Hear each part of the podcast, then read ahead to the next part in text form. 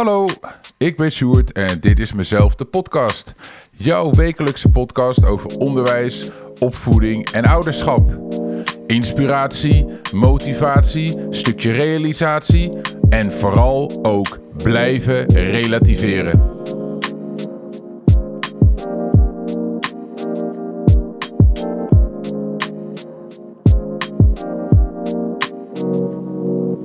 Yes.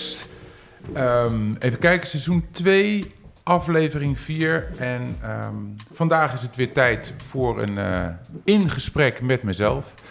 En ehm, nou goed, de mensen op YouTube kunnen het inmiddels al zien. En ik zal voor de luisteraars op de podcast-apps even voorstellen. Vandaag doe ik dat met niemand minder dan Ulbe Spaans. Ulbe, welkom. Dankjewel. korte introductie. wij zijn ooit begonnen als uh, collega's in het onderwijs. En eigenlijk, eh, ik zat daar, als ik dan vandaag zo'n podcast voorbereid, en dacht ik van ja, eigenlijk moet ik je toch, misschien vind het helemaal niet leuk, toch een soort van mentor uh, noemen. Je hebt me ongelooflijk veel geleerd over kinderen en gedrag en, en hoe onderwijs in elkaar steekt, wat voor energie en systemen er allemaal in zitten. Um, daarnaast nog een paar feitjes. Je bent het niet meer, maar je was uh, lokaal politicus. Klopt. Ja, daar ben je nu mee gestopt. Ja. Um, ik moet je ook bedanken, dat is heel grappig, dat ga je nooit raden. Maar ik moet je toch bedanken voor een van de beste Spotify-playlists uh, ooit. Uh, je hebt me ooit een playlist gegeven die jij helemaal gecureerd hebt over UK Jazz. Ja. Dat heeft me sowieso nog nieuwe muziek opgeleverd, maar vooral heel veel uh, minder zoeken voor mezelf. Um, dus uh, misschien moet ik die wel even in de show notes zetten. Is onwijs, als je een beetje de UK Jazz in wil duiken, dan is dat een goede playlist. Um, nou ja, goed, aan de hand daarvan kan ik ook gelijk zeggen dat we niet alleen collega's zijn, maar inmiddels uh, gezamenlijke jazzliefhebbers. Wel wat concertjes uh, bezocht ook. Um, en wat ik ook echt niet um, kan missen om te noemen is uh, dat Ulbe een ongelooflijk talentvolle landschapsfotograaf is. Um, ja, ik vind het bizar elke keer als ik weer op LinkedIn of je website nieuwe dingen op Instagram voorbij zie komen. Ik, uh, ik vind het bizar hoe mooi het is. Um, welkom Ulbe. Dank, dank. Um, mijn eerste vraag aan al mijn gasten is, en ik zal nog even kort vertellen waarom dat is. Ik ben ooit gestart met op verjaardagskaartjes in het onderwijs of waar dan ook, zet ik vrijwel vaak, eigenlijk altijd, maak plezier. Omdat ik vind dat alles wat je als kind of als onderwijzer meemaakt, maakt plezier. Dus mijn eerste vraag, Ulbe. Um, waar heb je vandaag plezier aan beleefd? Oh, en heel veel dingen. En met name kleine dingen. Daar moet je tegenwoordig natuurlijk plezier uit halen. Als je alleen maar grote dingen uh, wil ervaren, dan, uh, dan uh, moet je heel lang wachten vaak. Ik heb plezier beleefd aan het feit dat ik een school binnenkwam en dat kinderen mij gewoon welkom heten. Dag meneer. Uh, dat vind ik fantastisch. En uh, op sommige scholen gebeurt dat namelijk nooit. En op sommige scholen gebeurt dat bijna altijd. En dat is uh, kenmerkend, vind ik altijd. Als je een soort thermometer in zo'n school kan steken ja. aan het gedrag van een, een, een kind. wat is er normaler dan iemand gedag zeggen? En dat valt me nu op en wordt nu onderwerp van deze podcast. Ja, nou ja het is zeker. Nou ja, goed, nogmaals. Wij, doen, wij werken allebei nog in het onderwijs en wij komen gelukkig nog op veel verschillende scholen binnen. Maar ik, ik bedoel, dat, daar heb je zeker een punt. Hè. Ik bedoel, het, zegt gelijk iets over, over een cultuur van een school. Um, maar gewoon hè, intersociaal contact, om het maar wat groter te trekken. Het is uh, bijna een, uh, een utopie uh, af en toe. Um, social media, denk ik, waar heel veel aan de grondslag ligt. Hè? Mensen leren alleen nog maar typen met elkaar. Waarom zou ik bellen als ik ook gewoon een uh, onpersoonlijk appje kan sturen? Dus ik snap dat je daar plezier aan beleeft. Ja, en een ander dingetje, verkleinwoord weer, is... Uh, ik heb met een, uh, met een collega heb ik in, in een galerie waar ik lid ben van de tentoonstellingscommissie, heb ik een voorbereiding gedaan als een soort uh, uh, toneelstukje voor gastvrouwen. Van hoe, hoe ga je nou straks iemand uh, welkom heten die bij ons in de galerie komt en naar de tentoonstelling komt bezoeken. Mm -hmm. En dat, dat was heel grappig. Ja. Dus daar heb ik ook plezier aan beleefd. Oké. Okay. Nou, goed. Nou, dat, ik bedoel, of je nou 1, 2, 3, 4... maar ik vind het heel belangrijk... Uh, hoe opportun het misschien is of idealistisch... maar dat je eigenlijk elke dag kan bedenken van... heb ik ergens plezier aan beleefd? Nou ja, wat je terecht zegt is natuurlijk zo... dat het de bodem is onder, onder het werk in het onderwijs. Een kind moet s'morgens vroeg met plezier en een lach op zijn gezicht de school binnenlopen. En nog belangrijker, om kwart over drie eh, met een lach op het gezicht naar buiten lopen. En daarop kan je leerstof, nou ja, wat dan ook bouwen. Maar als die bodem, die basis, dat fundament van plezier er niet is, dan. Ga, en, en, en helaas is dat in toenemende mate het geval, vind ik. Dan uh, sla je planken mis in het onderwijs. Ja. Ja, waar, waar ik heel erg tegen aanloop is dat ik, dat ik zoveel plezier mis bij leerkrachten. Dat ja. zowel, zowel op, op de basisschool en nog, misschien nog wel meer op de middelbare scholen. Dat ik denk, waar, waar zit je plezier? Weet je, het lijkt allemaal, ik draai maar wat af en uh, de jeugd is toch niks meer mee te doen en ik moet mijn geld er maar mee verdienen. Ik, ik, ik bagatelliseer hoor, want de uitzonderingen zijn er gelukkig ook. Maar... Absoluut, ja. Nee, dat is herkenbaar. En, en, en vergeet ook niet dat, dat door het personeelstekort leerkrachten enorm onder druk staan. En als je kijkt naar wat hun basiscompetenties zouden moeten zijn, namelijk lesgeven en leuke dingen doen met de kinderen. Ja, dat is voor een deel wordt dat onder druk gezet door allerlei eisen die uh, bureaucraten uh, aan ze stellen. Ja, precies.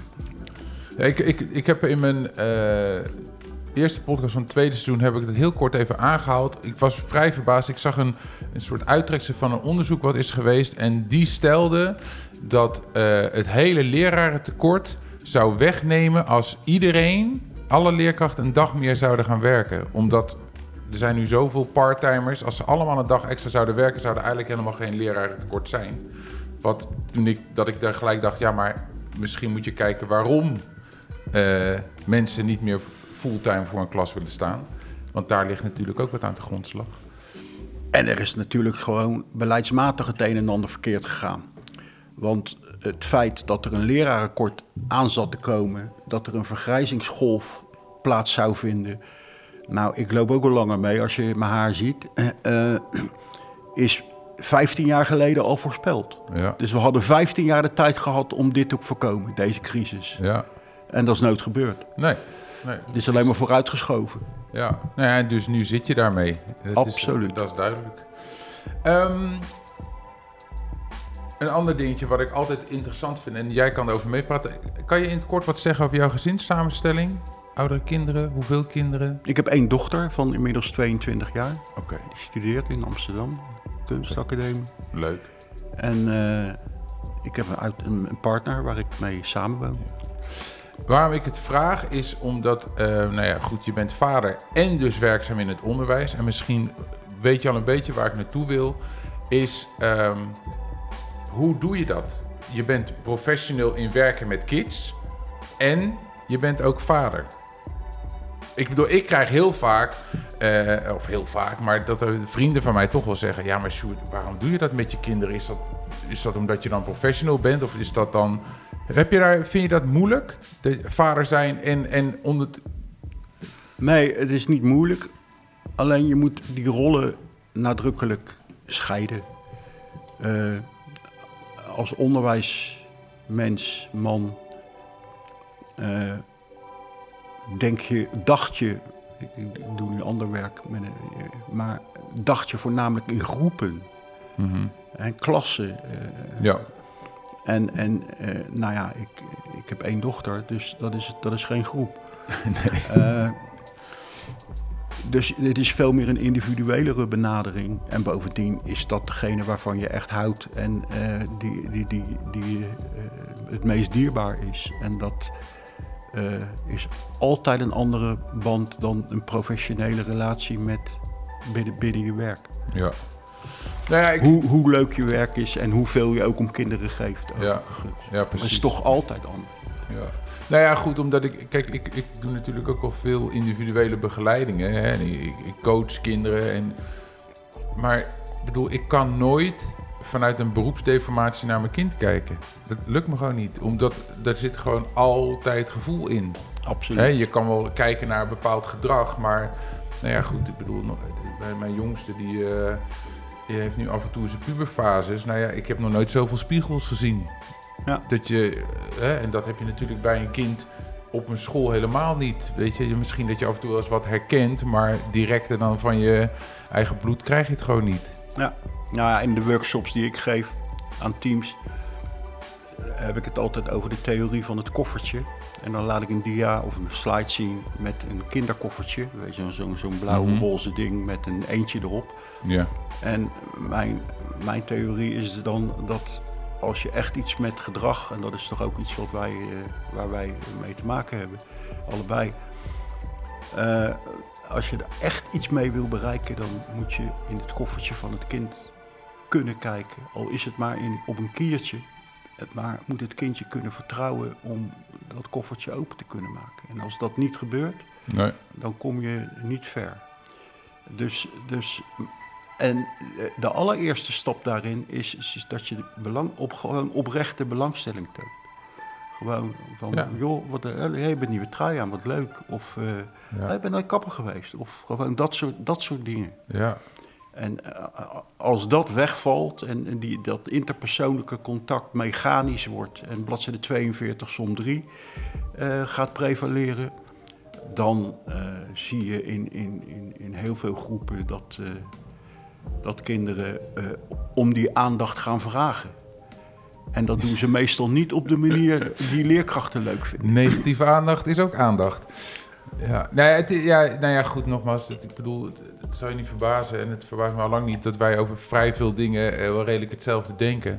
Dat is hetzelfde waar natuurlijk de discussie aan het begin van een schooljaar altijd is van, ja, duik je gelijk als, als eh, leerkracht alle methodes in? Of ga je eerst eens een maand investeren in, in het, so- de sociale en de veilige omgeving van je klas? Hè? Ik bedoel, als je daar de basis goed zet, dan heb je daar een heel jaar profijt van. Ja. En wellicht haal je dan wel wat methode achterstand in. Oh, absoluut. Ja, eerst zaaien, dan oogsten. Ja, precies. Ja.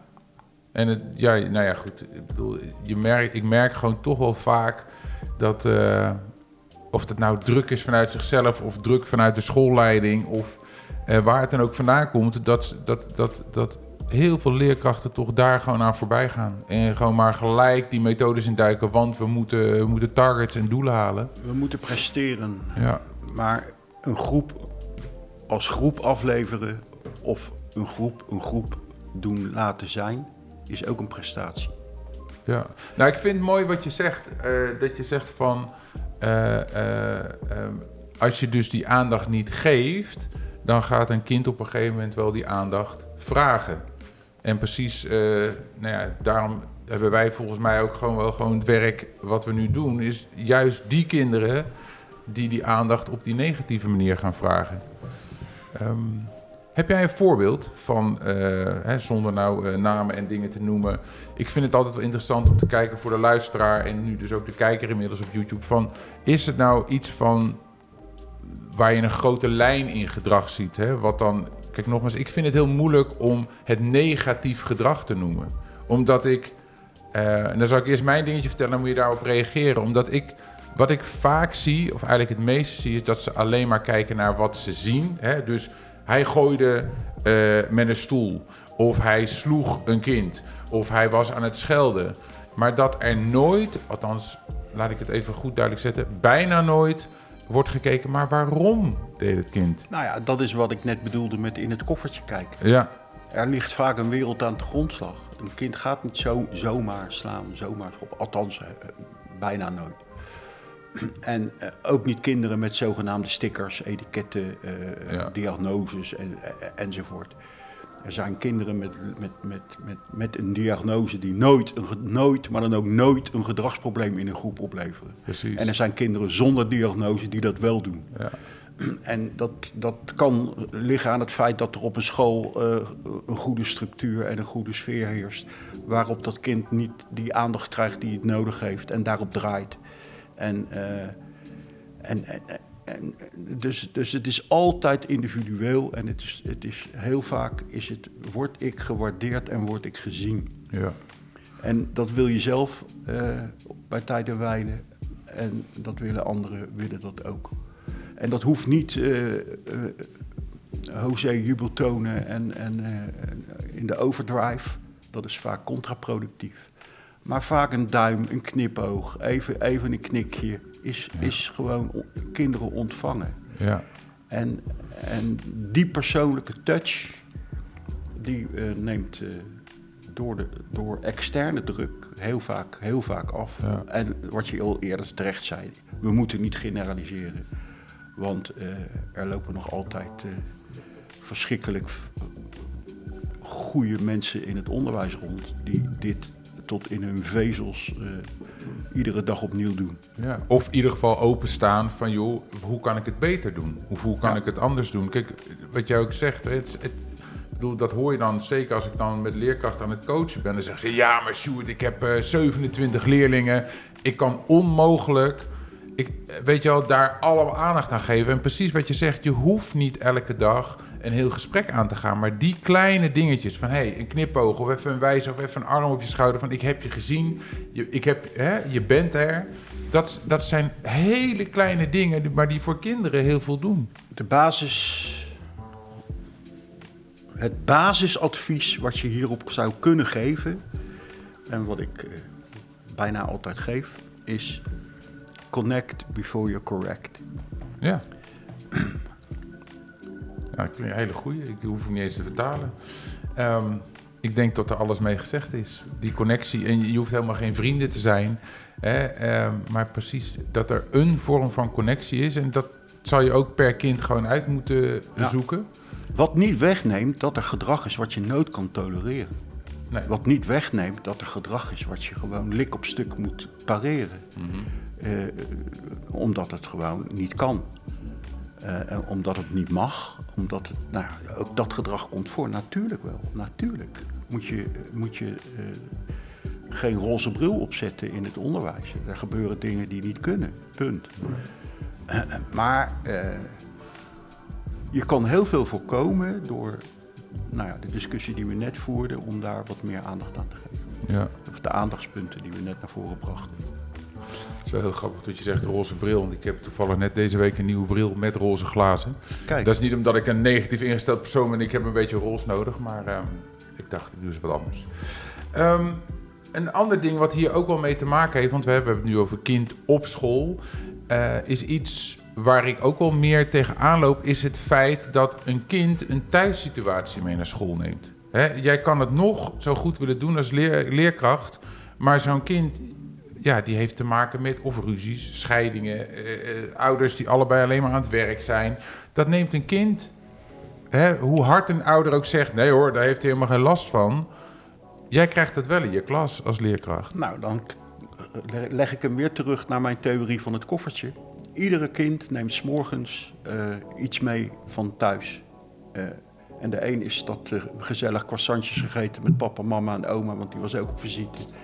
En een ander kind uh, heeft net een telefoontje gekregen dat zijn oom met een brandende autoband om zijn nek door de straten van Aleppo werd getrokken en hij dat op een filmpje zag. Ja. En dat komt ook de klas binnen. En die kinderen maken hele andere tekeningen. Ja, precies. Ja. Heb, je, heb je een rol als leerkracht, als opvoeder? Ja, je bent. Uh, je bent. Je gedrag wordt gespiegeld. Je, en je, je bent een voorbeeldfunctie voor kinderen. Althans, dat, dat kan je zijn. Ja, dat kan precies. je zijn. Dat kan je zijn. En met name als de klik er is. Ja. Als, als de connection er is. Dan zijn kinderen. Uh, nou ja, we, we, we, kennen allemaal situaties van de, de rampenklas, om het maar even zo te noemen. Die na een leerkrachtwissel gewoon draait. Ja. En, en, en een groep is geworden. Ja. En uh, ja, dat ligt aan leerkrachten. Leerkrachten kunnen het verschil maken. Ja. Nou, ik heb soms ook wel het idee en, dat leerkrachten... En maken het verschil ook heel vaak. Precies, precies. Ja, ik, dat heb ik zeggen. Ik heb, ik heb ook echt wel het idee dat, dat soms leerkrachten gewoon echt te weinig inzien dat ze bewust en onbewust een hele belangrijke voorbeeldfunctie hebben. Ehm, en waar ik bedoelde van, hè, zit er een deel opvoeding in? Want waar ligt, ik, bedoel, ik heb daar een heel duidelijk idee over, maar waar, waar, waar ligt voor jou een grens als leerkracht? Tot hoe ver kan jij, moet jij iets opvangen vanuit het gezin, om, omdat dat niet geprovide wordt voor het kind? Of eh, moet je ergens op inspringen? Heb je daar een idee over? Je bent leerkracht uh, van half negen tot kwart over drie en iets daarna met kinderen. Uh, je bent opgeleid om rekenen, taal, aardeskunde, geschiedenis te geven in een klimaat wat je ook nog een beetje kan beïnvloeden mm als pedagogisch klimaat. Maar wat je nadrukkelijk niet bent en waar je nadrukkelijk niet voor bent opgeleid, is om sociaal-maatschappelijk werker te zijn. Precies. Of schoolmaatschappelijk werker te zijn. Dat is een ander vak, dat is een ander beroep. En op die stoel moet je ook nadrukkelijk niet gaan zitten. Nee. En niet willen gaan zitten. Hoe verleidelijk en hoe uh, gewenst dat soms misschien ook wel lijkt. Mhm. Met de nadruk op lijkt. Ja. Dat is, die professionaliteit moet je, moet je uh, bewaken en bewaren. Ja. Jij bent er om kinderen les te geven. Het, uh, ruimer dan, dan alleen maar lesgeven. ook, ook om een pedagogisch klimaat te, te waarborgen.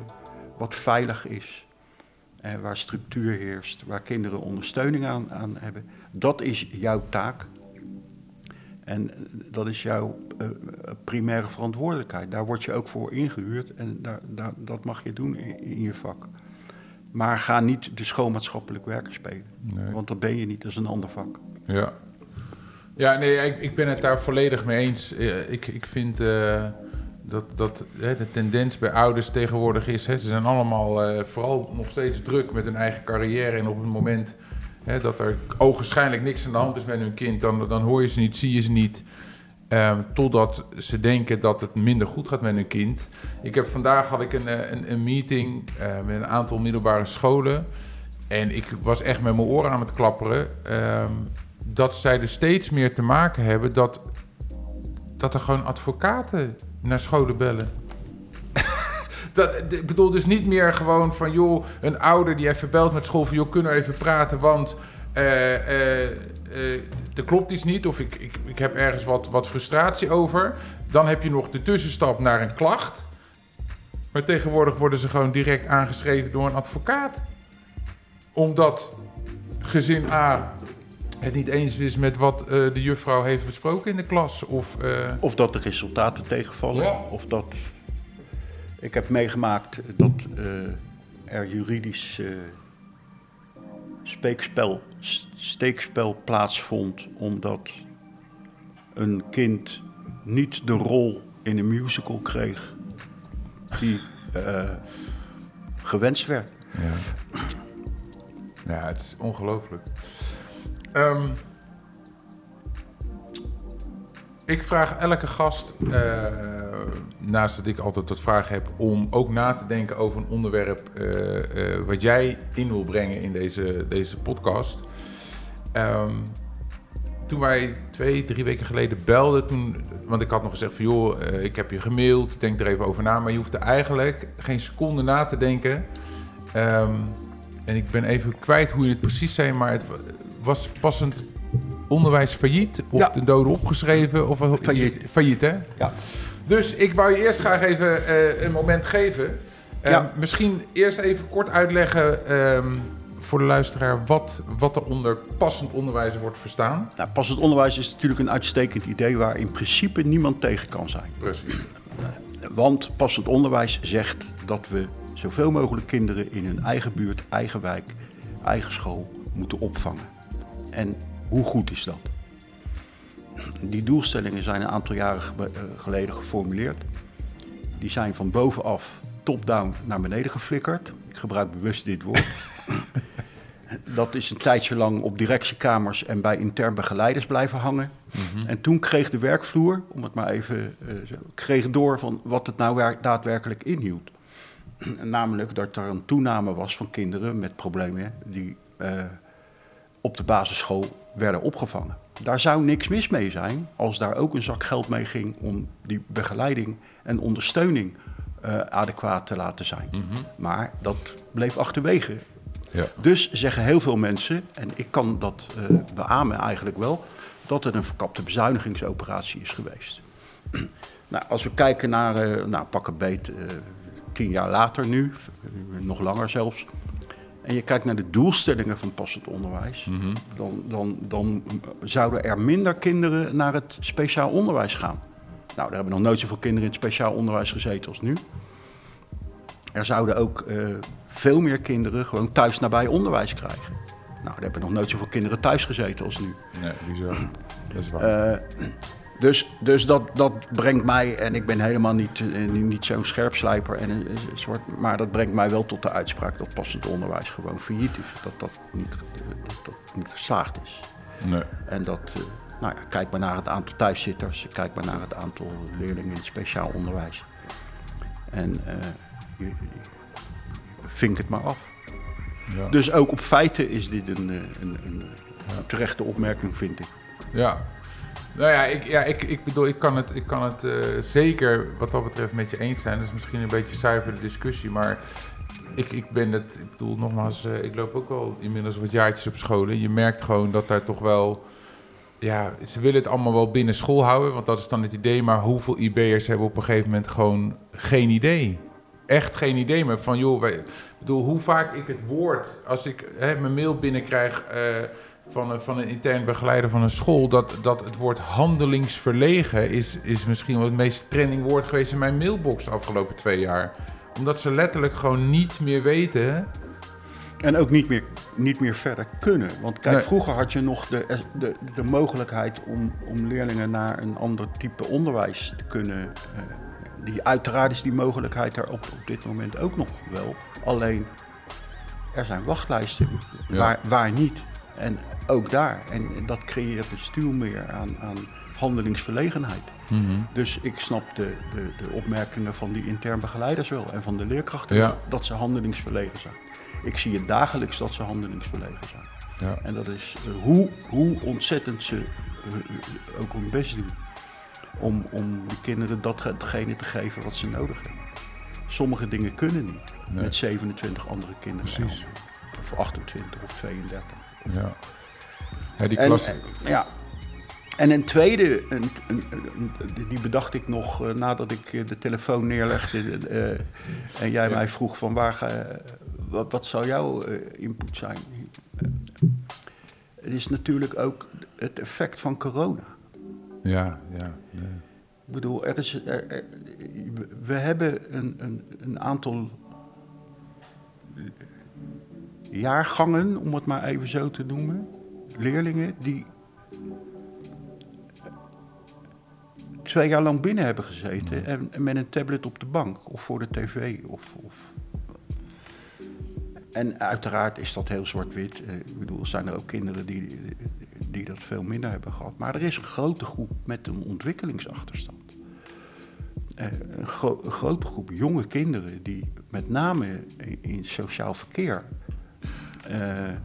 de, dingen gemist nou. Ja, maar precies dat. Ik, ik, ik heb het laatst inderdaad in een andere meeting had, was, ging het daarover van hoe komt het nou dat, dat er zo'n grotere vraag is voor zorg en dat er meer kinderen uitvliegen, zowel in het basisonderwijs als in het voortgezet onderwijs. En precies dat, want, want dat wordt dan hè, vanuit, zonder dat het, dat, het, dat het de politiek moet betreffen, maar er werd gezegd, ja, maar de scholen zijn echt bezig geweest om de kennis daar te brengen. Maar waar je voorbij gaat, of het nou basisschool is of voortgezet onderwijs, is het feit dat ze vijf dagen in de week sowieso met leeftijdsgenootjes zijn, waar je ongelooflijk veel leert als kind of jongere. Plus het feit dat ze in interactie live met, met, met een uh, ouder of een leerkracht zijn.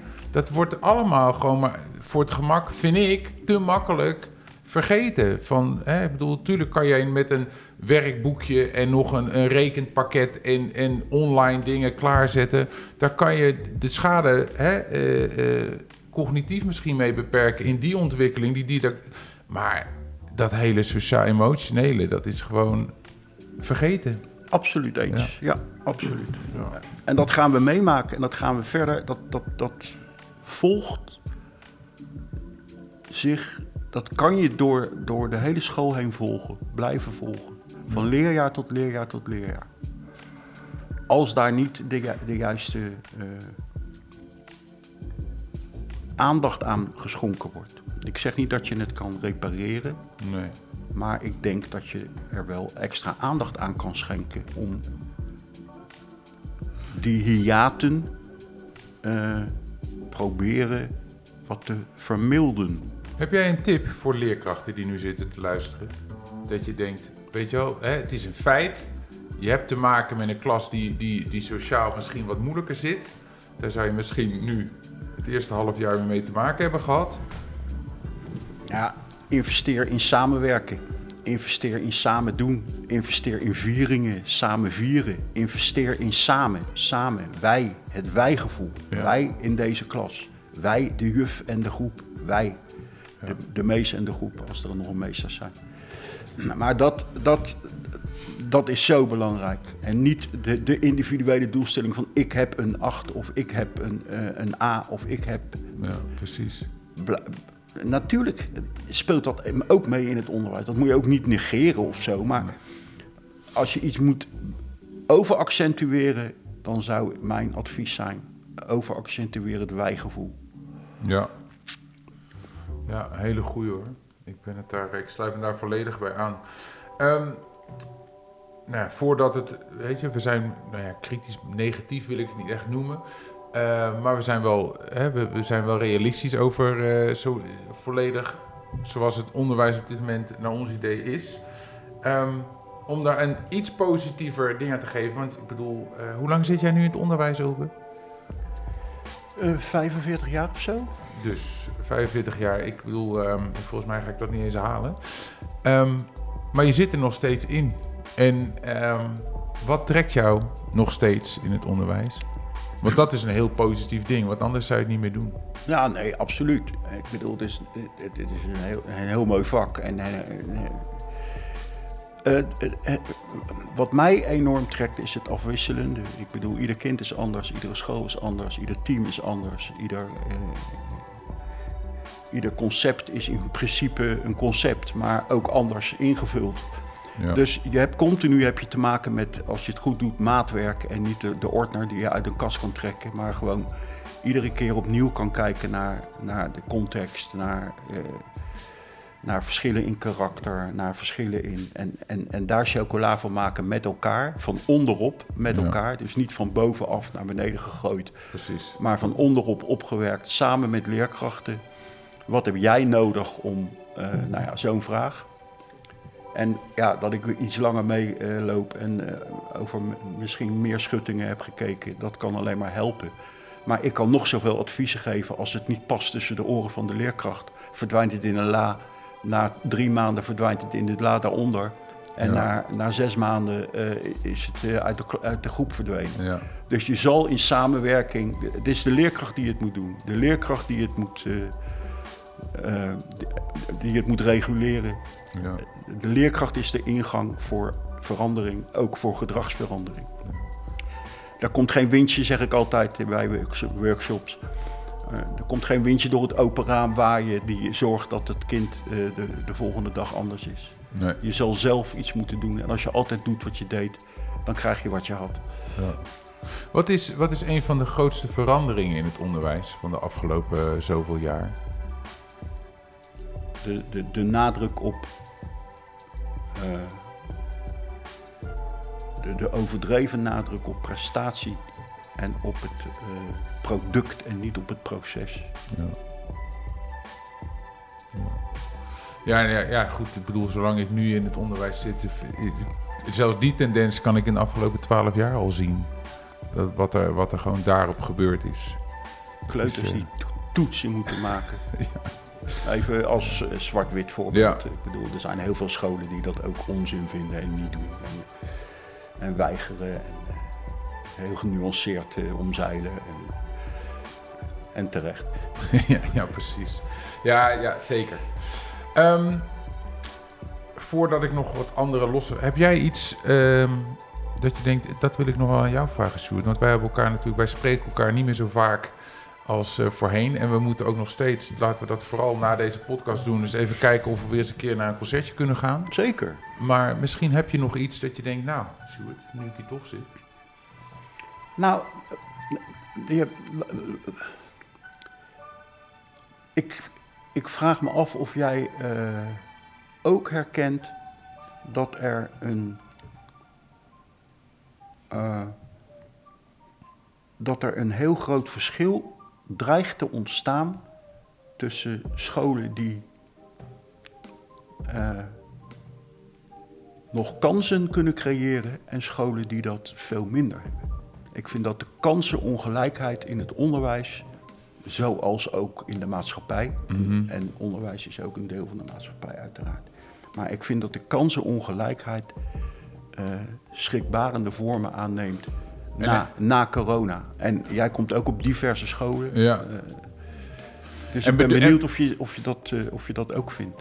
Nou ja, en, en, doe je dan bijvoorbeeld op scholen in verschillende eh, eh, wijken waar ze staan? Doe je dan op scholen die misschien een iets ander budget hebben te besteden? Want dat vind ik zo ongelooflijk verschillend.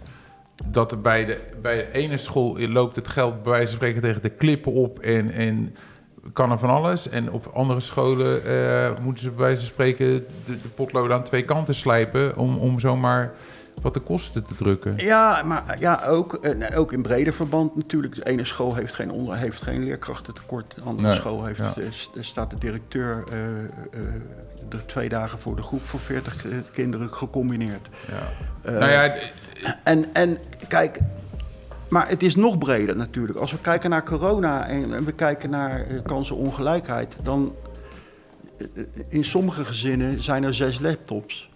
Waar zes kinderen, of als die, Ja. als die er zijn, Ja. achter kunnen zitten. ja, En, precies. en, en in andere gezinnen eh, is er één laptop, als er al überhaupt al een laptop is. En, en, en een gammele internetverbinding. En daar moest het onderwijs over plaatsvinden. Ja, Dus dat op zich is ook al kansenongelijkheid. Ja. Nou ja, nogmaals, kijk, dat ik het heb geconstateerd en dat ik, dat ik het de afgelopen jaren zie, dat is evident. Dat is heel duidelijk. Ehm, hè, en, en ik geloof ook steeds meer, als je, als je het dan hebt over, over, over lerarentekort. Het lijkt af en toe net of, of bepaalde scholen inmiddels bekend staan. Oh, dat is een leuke school. Die hebben dan nog net even wat andere secundaire arbeidsvoorwaarden. Dus je krijgt ook steeds meer die, die, dat dat verschil groter wordt.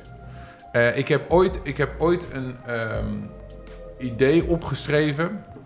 Wat ik later in een andere podcast nog wel eh, verder wil bespreken. Maar ooit heb ik bedacht. Als elke eh, scholenstichting nou eens een soort roulatiesysteem maakt. Dat je, dat je zegt: oké, elke leerkracht werkt maximaal vijf jaar op een school. Daarna wordt er een Excel-sheet gemaakt waar alles in elkaar wordt gezet. Je mag voor een leerkracht mag je één collega kiezen van daar zou ik graag mee op een andere school. En daarna wordt er gewoon gehusseld. En dan, dan kan je misschien dat je nog een, een, een bepaalde ding kan zetten van nou ik wil op een maximale half uur van mijn huis. Weet je wel, ik bedoel tegenwoordig jongen, je kan al die programma's makkelijk programmeren. Maar daar zat ik aan te denken om, om dat dus gelijker te maken. Dat je dus, eh, ja, en na vijf jaar ga je ook voor de hele energie in zo'n schoolteam. Want dat vind ik dus ook, als je op sommige teams, eh, scholen komt, nou ja, die werken al zoveel jaar met elkaar. Daar, daar, nou ja, eh, nogmaals, de, de, de, de uitspraak aan een dood paard moet je... Maar dat krijg je dan. Ik bedoel, jij geeft ook workshops en dan zitten daar twintig mensen die... Nou, joh, wat kom jij doen? Wij weten wel hoe het gaat. We doen al 15 jaar hetzelfde met dit team. We hebben een hartstikke goed team. Ja. Dus Ja, ik vind dat altijd een uitdaging. Ik vind dat altijd leuk om eh, dat soort eh, teams. ik vind het zeker leuk. Maar je, je, je ziet wel de, de setting die ik hier neerzet... dat je dat wel vaak ziet. En, en En laten we het niet bagatelliseren en zwart-wit maken. Er zijn natuurlijk gewoon legio-teams waarin die, die, die ook al jaren met elkaar draaien en dat op een uitermate professionele manier doen. En vooral leuk. En leuke Ja. manier doen. En, en met, met die lach die jij in, in, in je inleiding aangaf eh, op hun gezicht, dat iedere dag doen, ondanks de druk die ze, die ze ervaren. Dus dat, en, en, en die ook gewoon heel goed eh, startende leerkrachten eh, in een team kunnen betrekken en daar heel goed over hebben nagedacht.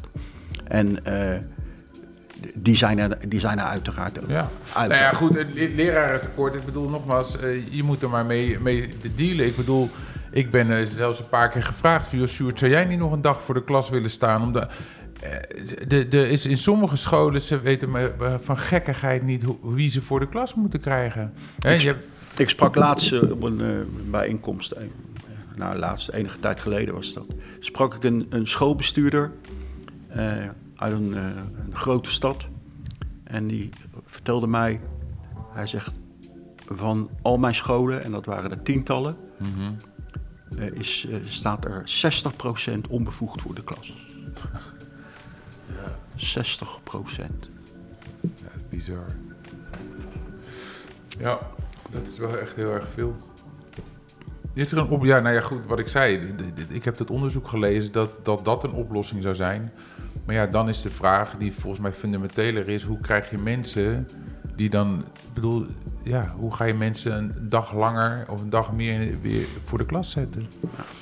Ik vind het een, uh, interessant. Ik ben daar nog niet helemaal over uit ook. Waar dat nou precies ligt. Ligt het aan de verdiensten? Ligt het aan de werkdruk? Ligt het aan de combinatie van die twee? Ik, uh, ik weet het niet. Nou ja, er is een nieuwe stip op de horizon natuurlijk, inclusief onderwijs. Dat, in, uh, binnen, wat, wat nu.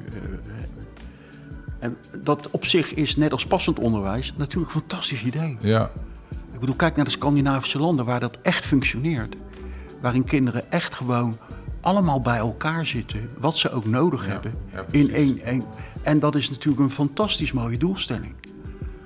En ik hoop dat men leert van de fouten die bij de implementatie en de ontwikkeling van passend onderwijs zijn gemaakt. Dat men niet zich. Uh, dat ze die niet weer maken. Dat dat uh, niet weer op nee. Want nogmaals, inclusief onderwijs is een fantastisch goed idee. Kan je in twee zinnen zeggen wat, wat, waar inclusief onderwijs voor staat? Nou ja, dat je een gebouw hebt waarin kinderen uh, les krijgen, maar uh, ook de kinderen met een gedragsprobleem, ook de kinderen met het syndroom van Down, ook, nou kortom, daar zijn mogelijkheden om dat adequaat ja. te doen. En was het ook groepoverstijgend? Dat, dat, dat kan, daar, daar, ja. kan je, daar kan je voor kiezen. Ja. Dat, dat zijn organisatorische maar dat is even in twee je ja. Janneke zinnen. Nou, daar zit natuurlijk veel meer aan. Maar uh, ook de didactische ondersteuning. Er zijn kinderen die, die, die hebben niets nodig. Die kunnen gelijk aan de wedstrijd meedoen. Er zijn kinderen die hebben een stutje nodig om over de schutting te kijken om de wedstrijd te kunnen ja, zien. Precies. Uh, en, en inclusief onderwijs wil zeggen, er is geen schutting. Iedereen kan meedoen, iedereen kan kijken. Ja. En uh, dat, uh, is natuurlijk een fantastisch mooi idee. Ja, zeker. Zeker. Um, gezien de tijd, want uh, nogmaals, dat verbaast me ook niet als ik jou uitnodig dat we in no time uh, zitten te kletsen. Um, een niet-onderwijsvraag. Wat is je laatste ontdekking op muziekgebied? De,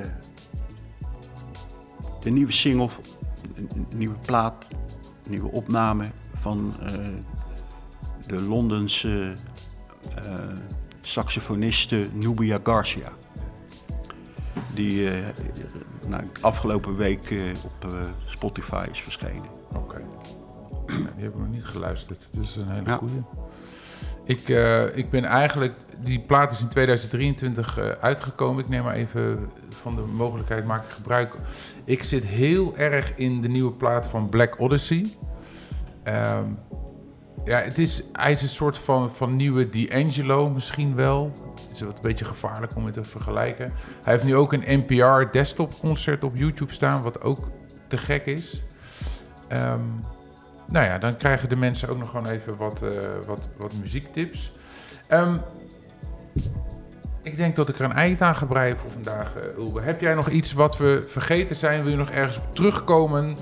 Uh, wil je nog iets meegeven? Daar is nu nog uh, een moment voor. Nou ja, als ik, als ik even terugkijk naar dit gesprek, zijn we kritisch geweest. Maar beschouw het als opbouwend kritisch. Want onderwijs is fantastisch mooi. Ja. Er gebeuren hele mooie dingen. Er gebeuren uh, ook, ook minder mooie dingen. En de omstandigheden waarom, waaronder onderwijs moet plaatsvinden, zijn in toenemende mate helaas op veel scholen frustrerend. En, en ik gun ieder onderwijskundige en onderwijsgevende minder frustratie en meer lachen. Ja.